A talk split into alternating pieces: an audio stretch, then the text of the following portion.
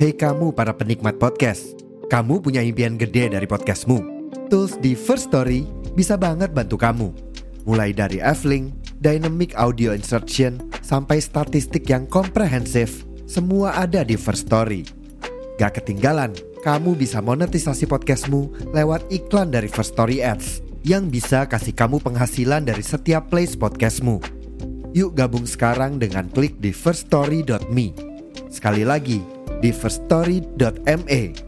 Mari kita bawa mimpi podcastingmu menjadi kenyataan.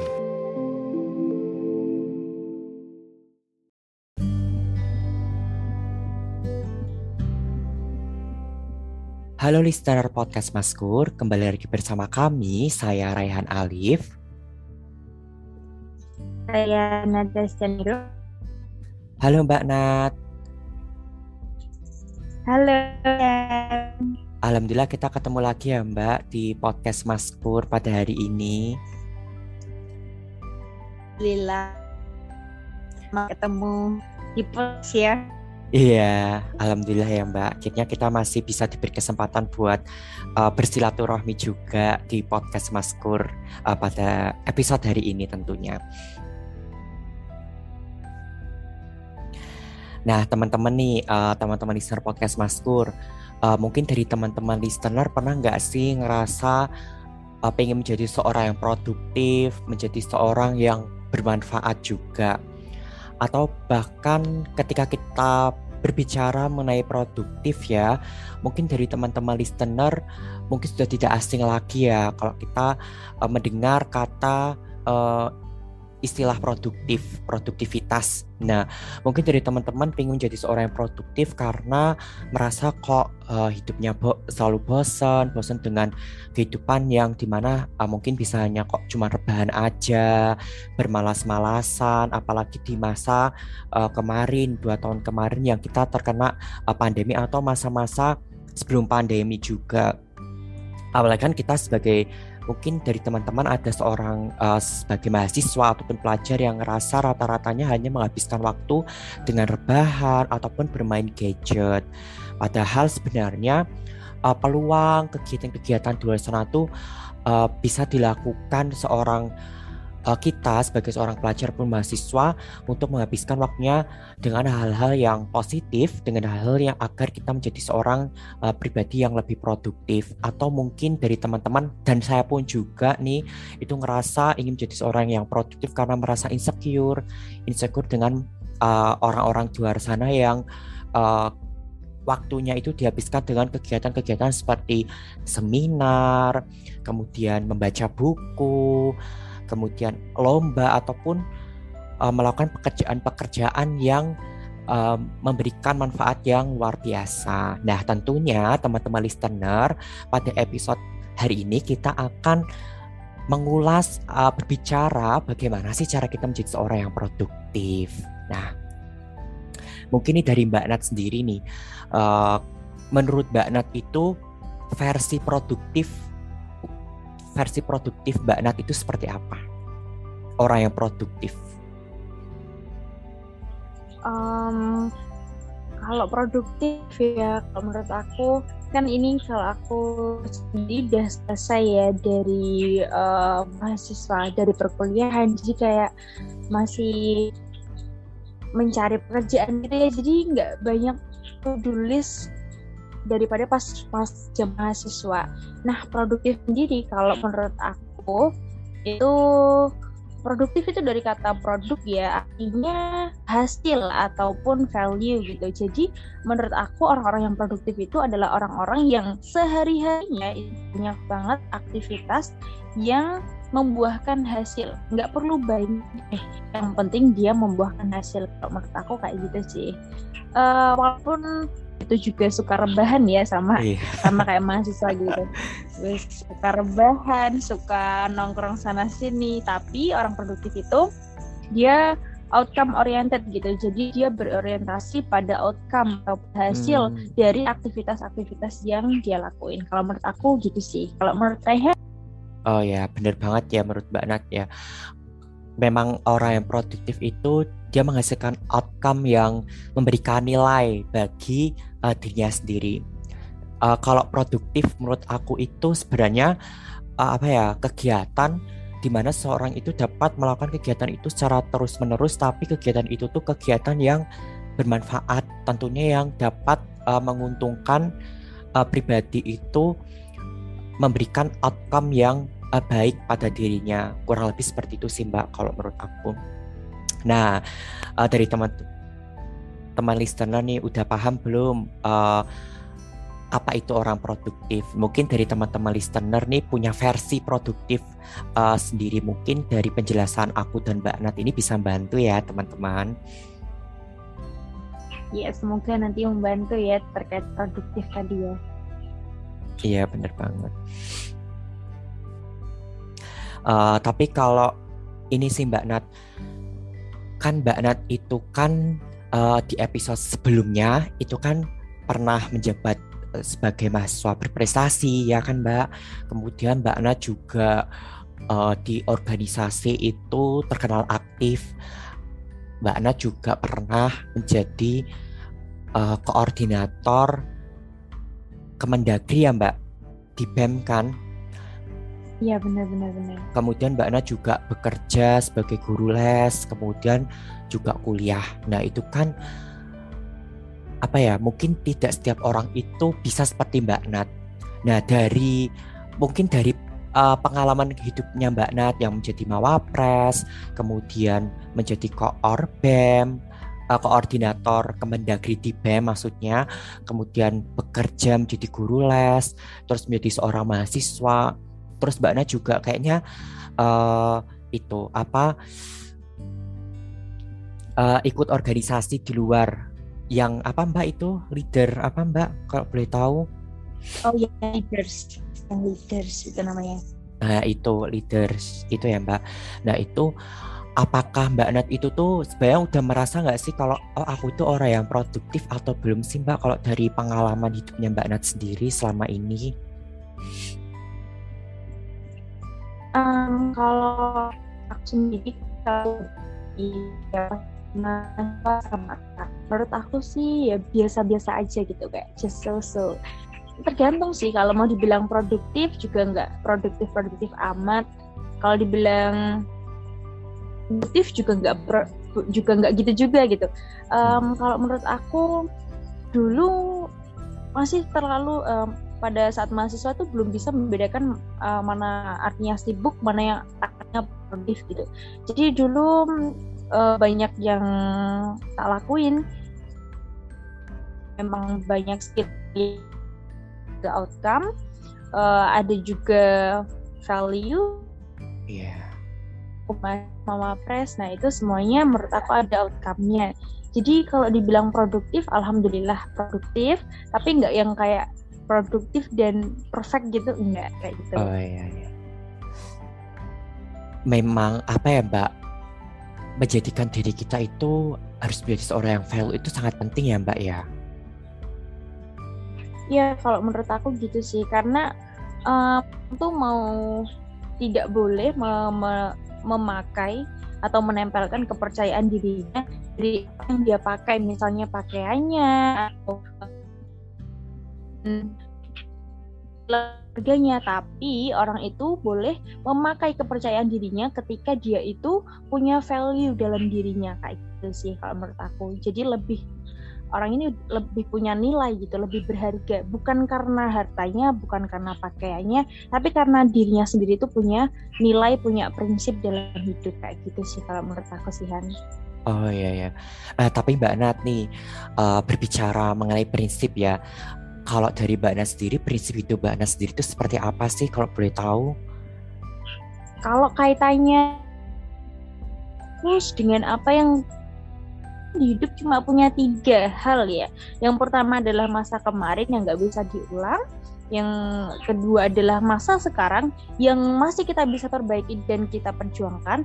Dan yang terakhir adalah masa depan yang kita itu masih misteri kita nggak tahu apakah nanti bisa menemui masa depan uh, hari esok apakah masih sehat juga, apakah waktunya juga luang. Jadi uh, prinsipnya ketika menjalani hari-hari supaya nanti bisa produktif, menurut aku harus ber, uh, pikirnya dia harus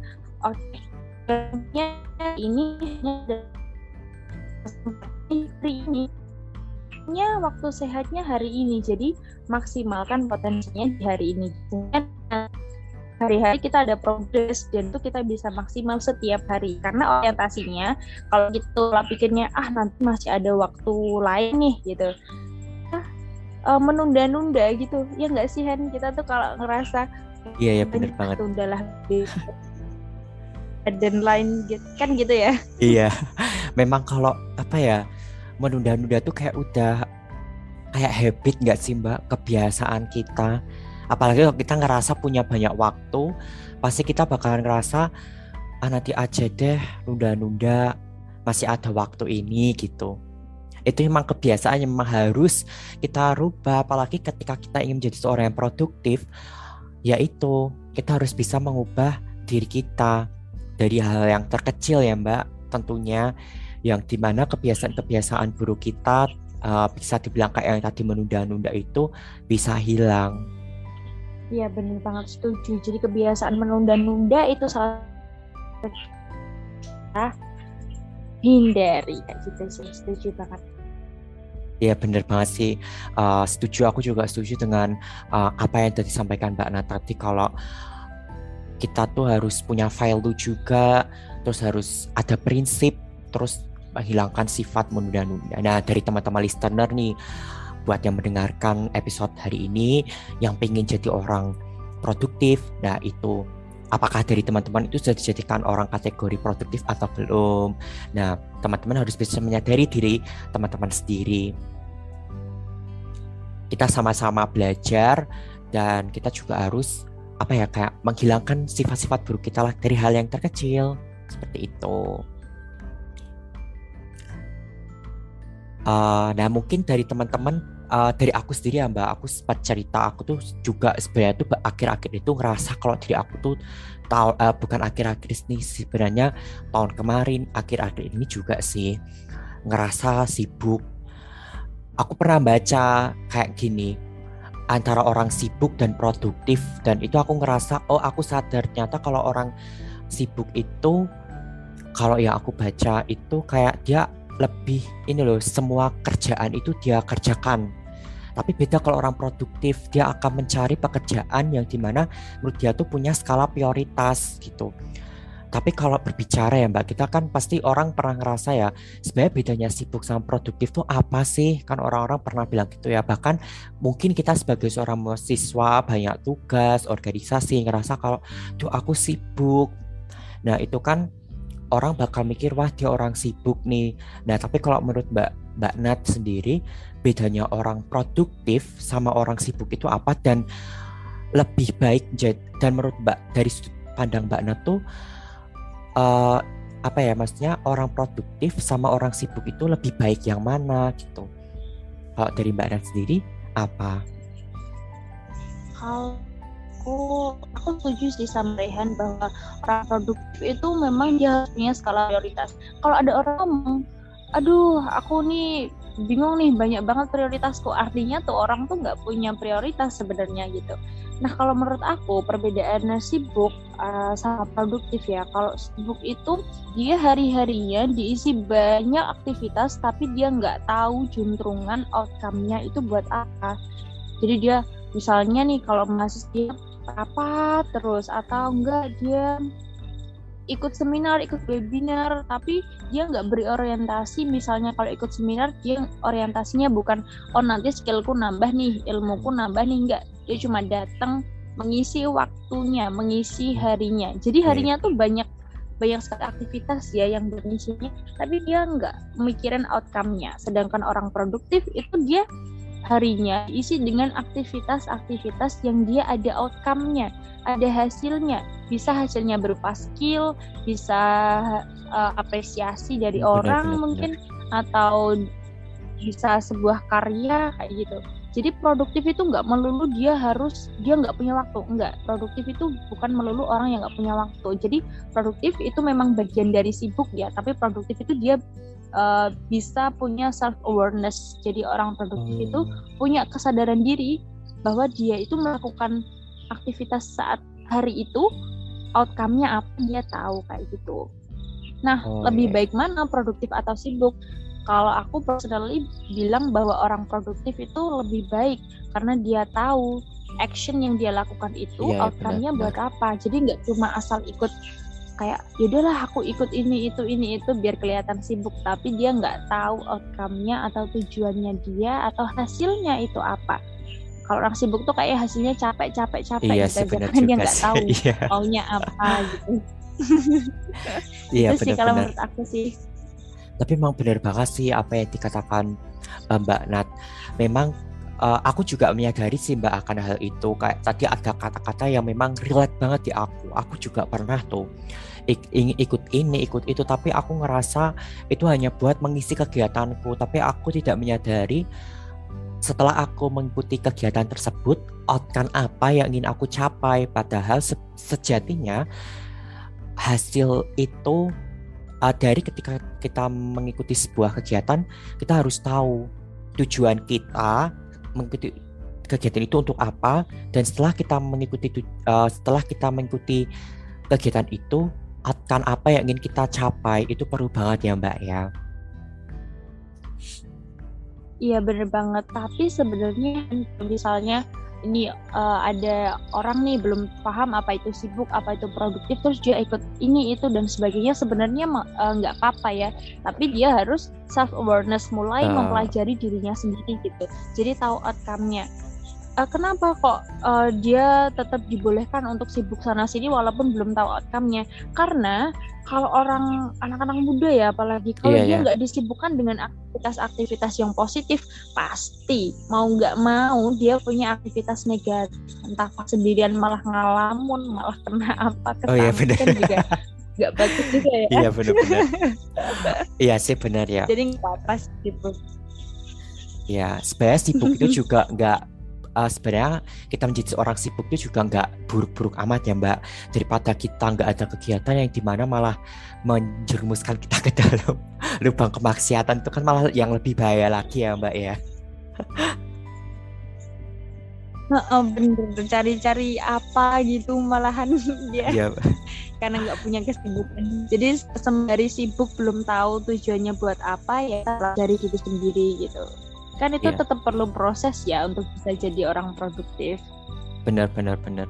Memang kita harus eh, apa ya proses. eh aku mau menyinggung sedikit sih Mbak terkait tentang proses ya. Mungkin kan banyak tuh dari teman-teman eh dia ngerasa tuh prosesnya dia selalu mencapai dia selalu belajar selalu inilah itulah tapi kenapa dia belum mendapatkan hasil yang dia inginkan bahwa kalau dari aku pribadi ya mbak sebenarnya proses itu istilahnya kayak kita menabung kan mbak. Menabung.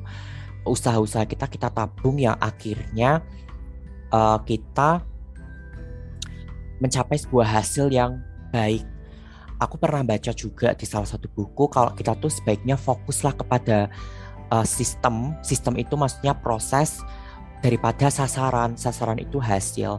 Tapi uh, pemikiran stigma masyarakat uh, aku pun juga masih kadang kayak pengennya tuh hasil hasil itu adalah apa kayak pokoknya tuh ya hasil tuh yang paling dinilai gitu loh daripada prosesnya. Padahal tuh sejatinya yang paling baik itu prosesnya kan mbak. Kalau kita bisa mencapai proses yang baik uh, bertahap demi tahap pasti akan mendapatkan hasil yang baik. Uh, dari itu sih mbak kalau tanggapanku tapi kalau dari mbak Nas sendiri gimana mbak yang terkait ini buat mengubah uh, prinsip uh, orang-orang. nih. Dan aku pun juga kadang pengen mengubah prinsip itu. Kalau aku sih setuju. Kayaknya aku baca dengar review sama youtuber gitu. Buku Atomic Habit bukan sih Iya. kita tuh harus masih daripada hasil. Setuju sih. Tapi em, pada eh, orang-orang ya pada umumnya yang belum tahu tujuannya ini tugas pertamanya adalah setnya itu yang spesifik gitu. Misalnya nih eh, Mbak Nar nih ini sekarang tuh pengennya punya skill yang banyak gitu. Skill di bidang apa? Survive lah dalam hidup misalnya kayak gitu. Em, jadi aku punya goals kayak gitu. Terus bagaimana sih supaya kita tetap produktif kan harus ada proses yang kita lalui. benar Nah benar, menurut benar. aku proses yang pertama yang penting itu adalah punya plan, punya rencana. Nah, impian besar itu cuma bisa diwujudkan dengan langkah-langkah kecil. Jadi kita harus breakdown to-do list kita, breakdown langkah-langkah kita untuk mencapai impian itu menjadi smallest part. Jadi hmm. menjadi bagian terkecil yang ya, benar, memang benar. bisa dilakukan kayak gitu. Jadi mimpinya besar tapi langkahnya besar. Itu kan uh, bagus ya, tapi langkah besar ini harus dimulai dengan langkah-langkah yang kecil.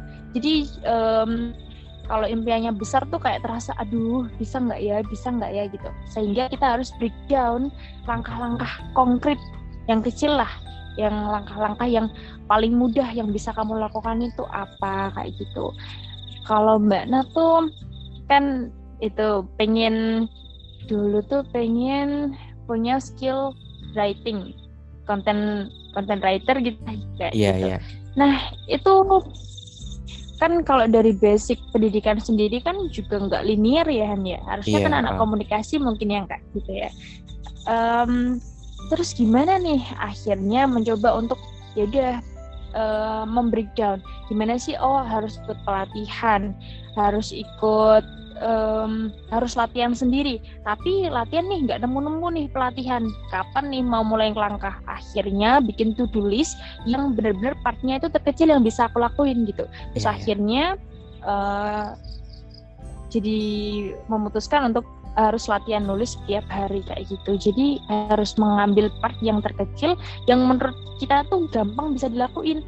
Karena kalau part terkecilnya aja udah susah, uh, kayaknya yeah. sih kita lebih milih males-malesan aja nggak sih? Iya yeah, benar sih. Daripada oh. ngelakuin. Itu sih kalau menurut aku. Jadi ya benar harus punya impian dan prosesnya itu harus uh, bikin part terkecil yang bener-bener bisa kamu lakuin dan itu gampang menurut kamu kayak gitu. Jadi ya, ya fokus ya tahu menurut kamu tuh gampang tuh kayak gimana? Terserah versi masing-masing. Jadi listener nanti punya versi masing-masing sih terkait small part tadi. Benar-benar sih mbak uh, memang benar apa yang dikatakan Mbak Nat ya listener podcast Maskur. Jadi ketika kita ingin mencapai sesuatu impian kita harus punya to-do list dulu. Uh, list-list rencana-rencana kita, plan kita ke depannya seperti apa. Kemudian kalau udah kita ya harus niat, niat tapi harus dilakukan. Jangan cuma niat aja tapi gak ada actionnya karena action itu juga penting ya. Action itu juga bisa menurut aku tuh kayak itu loh menunjang kita tuh keberhasilan kita. Karena dengan action yang semaksimal mungkin uh, mungkin insya Allah dari list-list kita itu bisa tercapai. Dan yang paling utama juga yang perlu kita garis bawahi ya teman-teman listener itu uh, memulailah dengan hal-hal terkecil dulu. Yang menurut kalian kalian senangi mudah dan tentunya juga apa ya kayak menarik tentunya. Yang teman-teman listener bisa lakukan benar-benar setuju. Karena uh, membuat impian atau menentukan impian yang besar tapi membuat diri kamu menjadi pemalas itu cara yang paling ampuh untuk menyiksa diri sendiri. Iya, karena ekspektasinya nggak diwujudin tuh. Iya, salah oh. siapa gitu. Memang kalau kita berbicara mengenai males ya mbak. Males itu tuh satu kata tapi itu kalau kita ada dalam diri kita tuh dampaknya tuh buruknya luar biasa ya mbak ya. Kalau males tuh kayak aduh ya ampun. Iya bener. Lalai. Nanti kalau waktunya mepet-mepet dan urgent nih butuh oh. skillnya misalnya. Wah terus nyesel deh. Terus salah siapa dong? Nyalain siapa? Nyalain takdir. Ya Allah kok begini? Lah salahnya yeah, yeah. dikasih waktu luang nggak nggak uh, dimanfaatkan dengan baik kan kayak gitu nanti Ya sih bener. Makanya teman-teman listener mulai sekarang aku pun juga dari kita mulai buat menghargai waktu.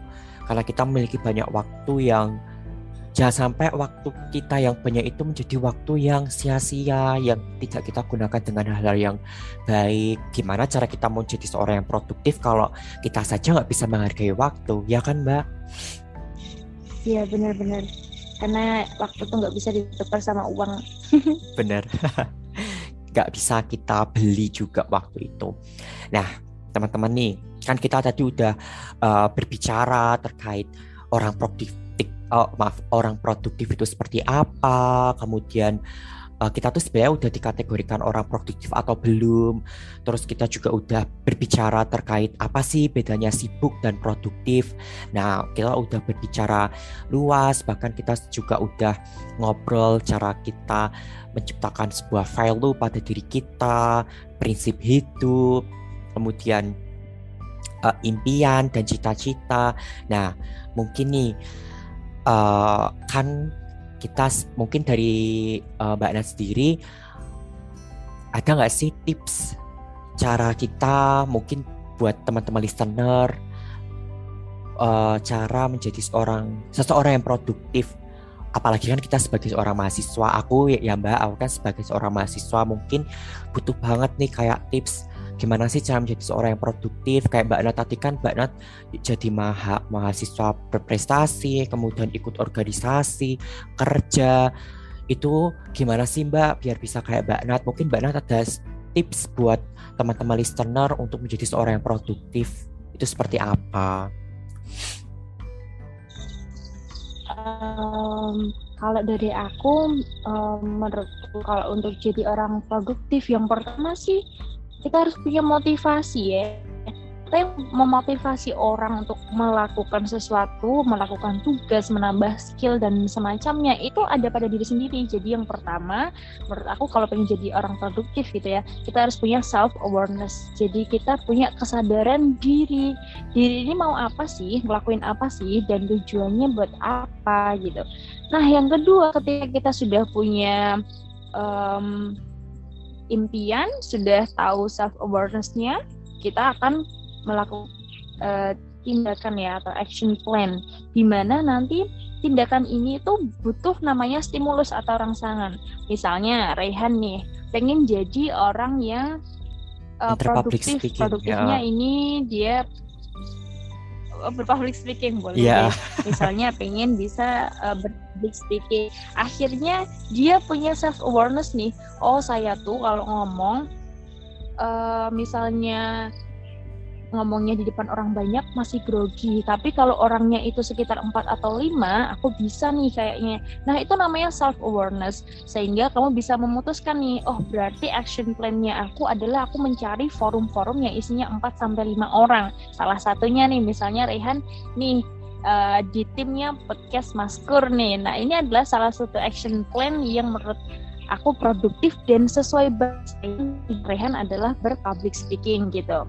Yang kedua itu tidak menunda-nunda gitu. Misalnya kalau tidak menunda-nunda tuh sebenarnya kita tuh menunda pekerjaan karena apa sih? Karena ke distract ya nggak sih? Iya, oh benar. Ada aja gangguan habis itu tuh lah, terus ah males ah. Iya.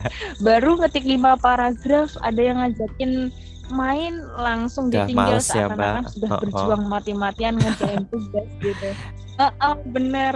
Nah itu. Jadi uh, tidak boleh menunda-nunda. Nah kalau kita sudah punya self awareness kita tahu nih. Oh aku itu menunda pekerjaanku karena satu temanku datang nih ngajak main. Berarti kamu harus menghindari potensial distraction itu. Jadi uh, yang mengganggu dari nih gimana caranya? Oh aku harus cari tempat yang sunyi atau WhatsApp aku matiin deh nanti lihat WhatsApp temen atau grup baru gibahin temen langsung join nimbrung. Nah itu harus self awareness ya sadar diri ya. Kalian tuh kerja nih baru ngerjain tugas baru belajar public speaking di depan kaca. Eh dilihatin adik terus aduh kita malu nggak jadi latihan. Nah itu kan juga termasuk penunda apa menunda-nunda ya. Nah, itu iya, karena ada gangguan sehingga oh uh -uh, jadi kita uh, oh gangguannya kalau di rumah nih ada adik nih mungkin ngunci pintu kayak gitu. Terus yang kedua hm, temanku kalau ngajak main kayaknya nih aku pasti kegoda deh. Ya deh deh um,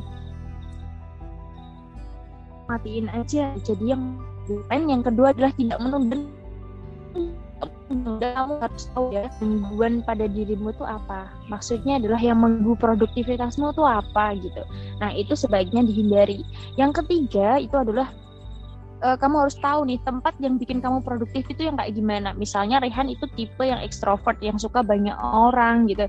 Yeah, kamu yeah. punya inspirasi atau semangat kerja ketika ada orang yang memperhatikan gitu misalnya.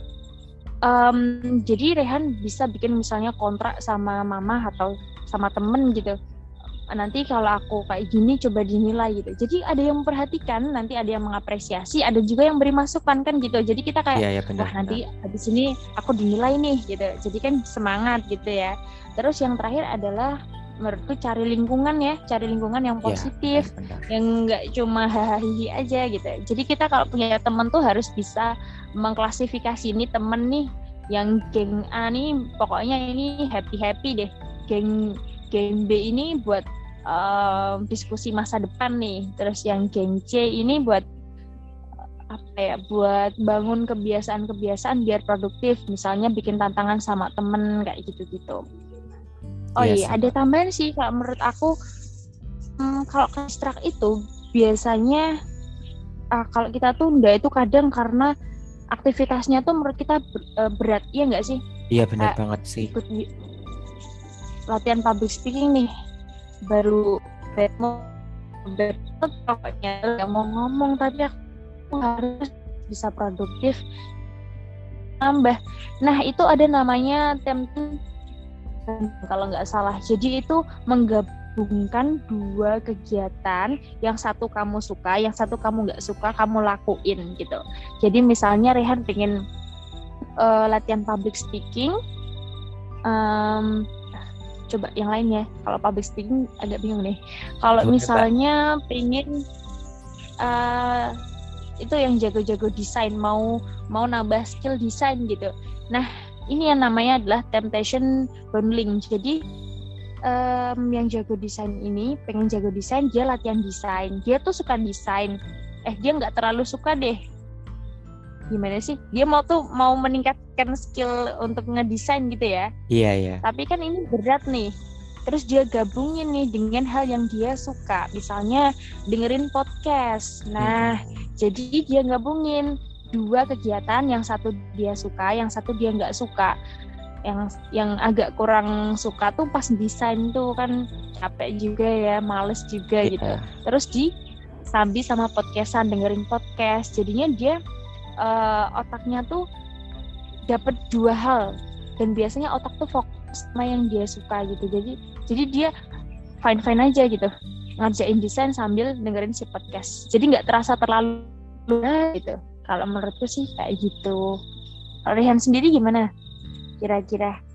Uh, ya sih mbak. Uh, tipsnya mbak Nat tuh bantu banget sih. Emang bener gitu loh uh, relate uh, buat kita semua. Kalau dari aku ya tipsnya buat sebenarnya aku tuh gimana ya aku tuh bukan bu, juga kalau dibilang produktif itu juga belum gitu loh mbak cuman aku juga punya beberapa kegiatan yang mungkin itu bisa mengisi waktu luang aku kalau dari aku tipsnya mungkin ini aku tipsnya ini aku ambil dari buku uh, salah satu uh, buku Atomic Habits pasti uh, teman-teman listener udah uh, mungkin udah buku yang bestseller juga ya.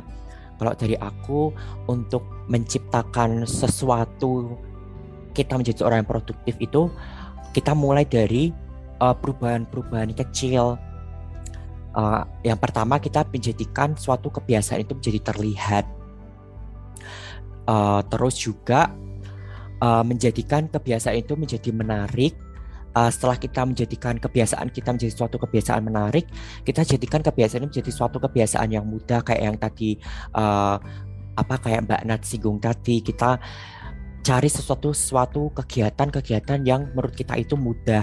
Kemudian setelah menjadikan kebiasaan itu menjadi kebiasaan mudah, kita menjadikan kebiasaan itu menjadi kebiasaan yang memuaskan dan mungkin memuaskan di sini tuh uh, outputnya ya mbak ya hasilnya yang memuaskan Kemudian uh, yang kedua kita untuk uh, menjadi seorang yang produktif kita juga ini punya tokoh figur. Contoh sempatnya aku nih, aku ini ketika aku males belajar ya Mbak. Aku males belajar, aku punya uh, satu tokoh inspirasi dia pendidikannya bagus, dia punya karir yang bagus, itu aku jadikan dia sebagai acuan aku buat uh, selalu belajar, buat selalu fokus kayak ayo Rehan jangan males. Kayak kamu harus semangat masih banyak ma uh, ada masa depan yang indah menantimu. Makanya itu aku selalu kayak uh, kayak menghilangkan rasa malas itu salah satunya. Jadi uh, public figure tokoh itu juga penting. Uh, menurut aku juga uh, kayak apa ya berperan penting sih kayak mensupport kita memotivasi. Kemudian kita juga harus menghilangkan rasa malas sebenarnya malas itu tuh seperti simptom ya mbak. Kayak hanya sebuah simbol yang membuat kita tuh apa ya simbol aja sih kalau menurut aku. Dan motivasi itu perlu juga apa yang tadi Mbak Nat singgung. Memang dengan adanya motivasi baik dari lingkungan dan diri sendiri itu juga uh, membuat kita tuh menjadi uh, seseorang yang produktif. Seperti itu terus juga membuat list-list uh, plan-plan kayak di tempat meja kita belajar. Nih aku selalu terapin sih mbak. Aku ketika aku lagi uh, merasa kayak di posisi down di posisi bawah kayak ngerasa malas atau apa aku selalu bikin aku selalu baca list-listanku kayak lisannya tuh tulisannya Rehan kamu jangan malas kemudian manfaatkan waktu sebaik mungkin. Ayo belajar kayak belajar public speaking rajin kuliah capai IPK sesuai target di semester 6 jadi itu kayak membangun kita untuk selalu uh, apa ya mengembalikan stamina semangat kita untuk melakukan kegiatan-kegiatan yang bermanfaat uh, terus menerus yang tentunya menghasilkan outcome yang bermanfaat itu sih mbak kalau dari aku Iya setuju banget. Aku juga sama kayak Rehan. Jadi aku kalau aku nggak dikasih di meja sih, tapi aku punya plan book ya. Jadi di sana ada list kayak impiannya mau apa sih tahun ini gitu atau bulan yeah. ini tuh harus mencapai apa gitu. Dan soalnya tuh manusia tuh kalau punya impian dan gak ada yang hmm. ngetin itu kan lupa yang terdistrak sama tenggelam dalam asiknya nongkrong tuh lupa. Iya bener lupa. banget sih. Aduh mimpinya apa ya kemarin? Impiannya apa ya? Gitu lupa.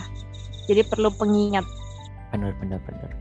Jadi teman-teman listener nih uh, jangan takut untuk bermimpi ya Mbak Nat ya karena kan pasti Mbak Nat pernah nggak sih dengar kata-kata yang sebenarnya tuh ini tuh pemikiran yang jelek banget nggak usah mimpi terlalu tinggi nanti nek sakit jatuh. Sebab itu kan malah membuat seseorang itu tuh nggak berani buat mempunyai impian besar kan mbak? Padahal tuh apa sih salahnya punya impian besar? Toh nanti kalau itu belum jadi rezeki ya ya udah. Yang penting kita tuh berani buat melakukan suatu impian. Dan itu loh mbak. Aku tuh masih kadang tuh kesel kalau ada orang yang bilang apa sih? Ndak ngimpi gede-gede. Nanti ndak aku naik tiba loro loh padahal itu tuh sebenarnya membuat orang itu takut buat bermimpi uh, punya impian yang besar. Ya kan mbak? Ha, setuju. Orang yang komen bahwa ngapain sih punya impian besar nanti kalau jatuh sakit loh itu dia belum punya self awareness ya. Jadi kesadaran diri. Jadi kalau bermimpi impian besar kita juga harus sadar diri gitu. Potensi apa sih yang mau dikembangkan um, sumber dayanya mencukupi atau enggak kita kira-kira nanti bagaimana mencapainya. Yang penting kita itu punya langkah gitu loh. Kalau mungkin ya orang-orang yang kayak itu ya udahlah biasa-biasa aja lah. Nggak usah effort yang terlalu bagaimana bagaimana iya. tapi setiap orang tuh kan punya pilihan ya. Dan kalau sudah memahami dirinya dia tahu nih dia bilang nggak mungkin nih tapi menurut aku mungkin karena aku punya ini itu dan sebagainya. Tapi kan kita mau. Iya aku punya impian ini karena aku punya kema kemauan ini aku udah ikut ini ini ini. Kan kita males ya nyeritain usaha kita ke orang itu. Jadi yeah. ya iya. udahlah biarin aja. Yang penting kita punya self impianku ini aku harus mencapainya dalam waktu ini. Tetap harus um, membuat ini uh, dapat dicapai gitu loh. Dapat dicapainya bagaimana? Nah kita sendiri yang tahu. Males juga sih jelasin sama orang gitu. Sama orang lain gitu. Tapi ya itu biarin aja sih. Mungkin dia uh, pemahamannya terkait dirinya itu belum sepaham kita terhadap ya benar. Jadi teman-teman listener nih um, buat teman-teman yang nggak berani buat menggap apa ya kayak bermimpi setinggi sebesar mungkin kalian harus menghilangkan pemikiran-pemikiran negatif yang sebenarnya itu tuh malah membuat kalian tuh gak bisa menciptakan atau menumbuhkan value self awareness pada diri kalian sendiri. Nah, uh, nah mungkin nih sebelum kita masuki closing mungkin dari Mbak Nat bisa nggak sih kayak kasih quotes uh, kata-kata semangat di episode hari ini tentang uh, produktif mungkin dari teman-teman mungkin kalau mendengar quotes dari Mbak Nat mungkin bisa menjadi motivasi dari untuk teman-teman listener dan aku pun juga. Uh, boleh boleh tapi aku mau cerita sedikit nih boleh boleh kan banget. aku setelah lulus kuliah gitu ada ada kerjaan. Dan kerjaan ini uh, sesuai banget sama passion aku. Lain gitu. Tapi kerjanya itu bebas. Kita nggak ditentuin kayak gitu. Sehingga kan aku males-malesan tuh. Terus habis itu kayak aduh aku harus ngelakuin nih. Tapi berapa berapa jam ya sehari untuk ngerjain tugas ini atau kerjaan ini? gitu. Akhirnya tuh aku kayak selama seminggu dari pagi sampai malam dari pagi sampai malam ngerjain. Padahal di sana tuh bebas kerjanya terserah. Yang penting selesai sesuai deadline. Akhirnya apa? Nih apa? Yang bagian kepala tuh tiba-tiba sakit. Telinganya juga sakit. Waduh dia terlalu mikir gitu. Sebenarnya itu uh, salah satu ikhtiar buat produktif tetap produktif walaupun nggak ada yang ngawasin kan? Nah menurut aku kalau kita biasa pada hal-hal yang hal-hal yang tekanan tinggi gitu ya. Kita pengen produktif terus kita memforsir diri kita. Tapi satu uh, kita nggak boleh terlalu memforsir ya. Karena tadi baru tahu efeknya. Kalau mikir terlalu keras tuh ternyata telinganya tuh tiba-tiba jadi sakit gitu. Nggak tahu aduh ini kenapa nih telinga? Gitu. Akhirnya uh, menjadi produktif namun harus bijak terhadap diri sendiri. Nah kalau kita terbiasa untuk produktif itu ada satu quotes yang aku ingat ya kalau kita sudah terbiasa produktif dan di bawah tekanan, terlalu tenang di bawah tekanan, tapi bisa optimis kalau dikasih tantangan kayak gitu. Jadi teman-teman listener dari podcast Maskur, kalau misalnya hari ini saya sibuk belum tahu jumrungannya nggak apa-apa uh, silahkan cari tujuannya apa biar bisa produktif. Kalau kalian sudah terbiasa produktif, sudah terbiasa bisa memanage diri, punya kesadaran diri, kalian akan tenang, hidupnya tenang walaupun banyak sekali tekanan dan juga optimis nih kalau ditantang sama kehidupan. Karena kita nggak tahu ya kalau masa-masa mahasiswa tuh kadang masih enak gitu. Nanti kalau udah lulus tuh kayak ya bener-bener bahas kuliah masih sekolah itu kayak masih di kolam jadi itu sih kalau menurutku um, tetaplah produktif ya karena produktif ini nanti akan membuat kamu tenang di bawah tekanan tapi juga optimis ketika menerima tantangan. Itu sih kalau aku Orhan. Uh, kalau dari aku quotesnya singkat sih mbak. Aku ada kutipan quotes yang aku cari kemarin itu gini baca uh, quotesnya. Tenaga dan kebugaran sangat diperlukan untuk menjadi seseorang yang uh, produktif. Itu kalau quotes dari aku. Jadi memang apa ya benar ada sangkut pautnya sih sama yang Mbak Nata tadi bilang.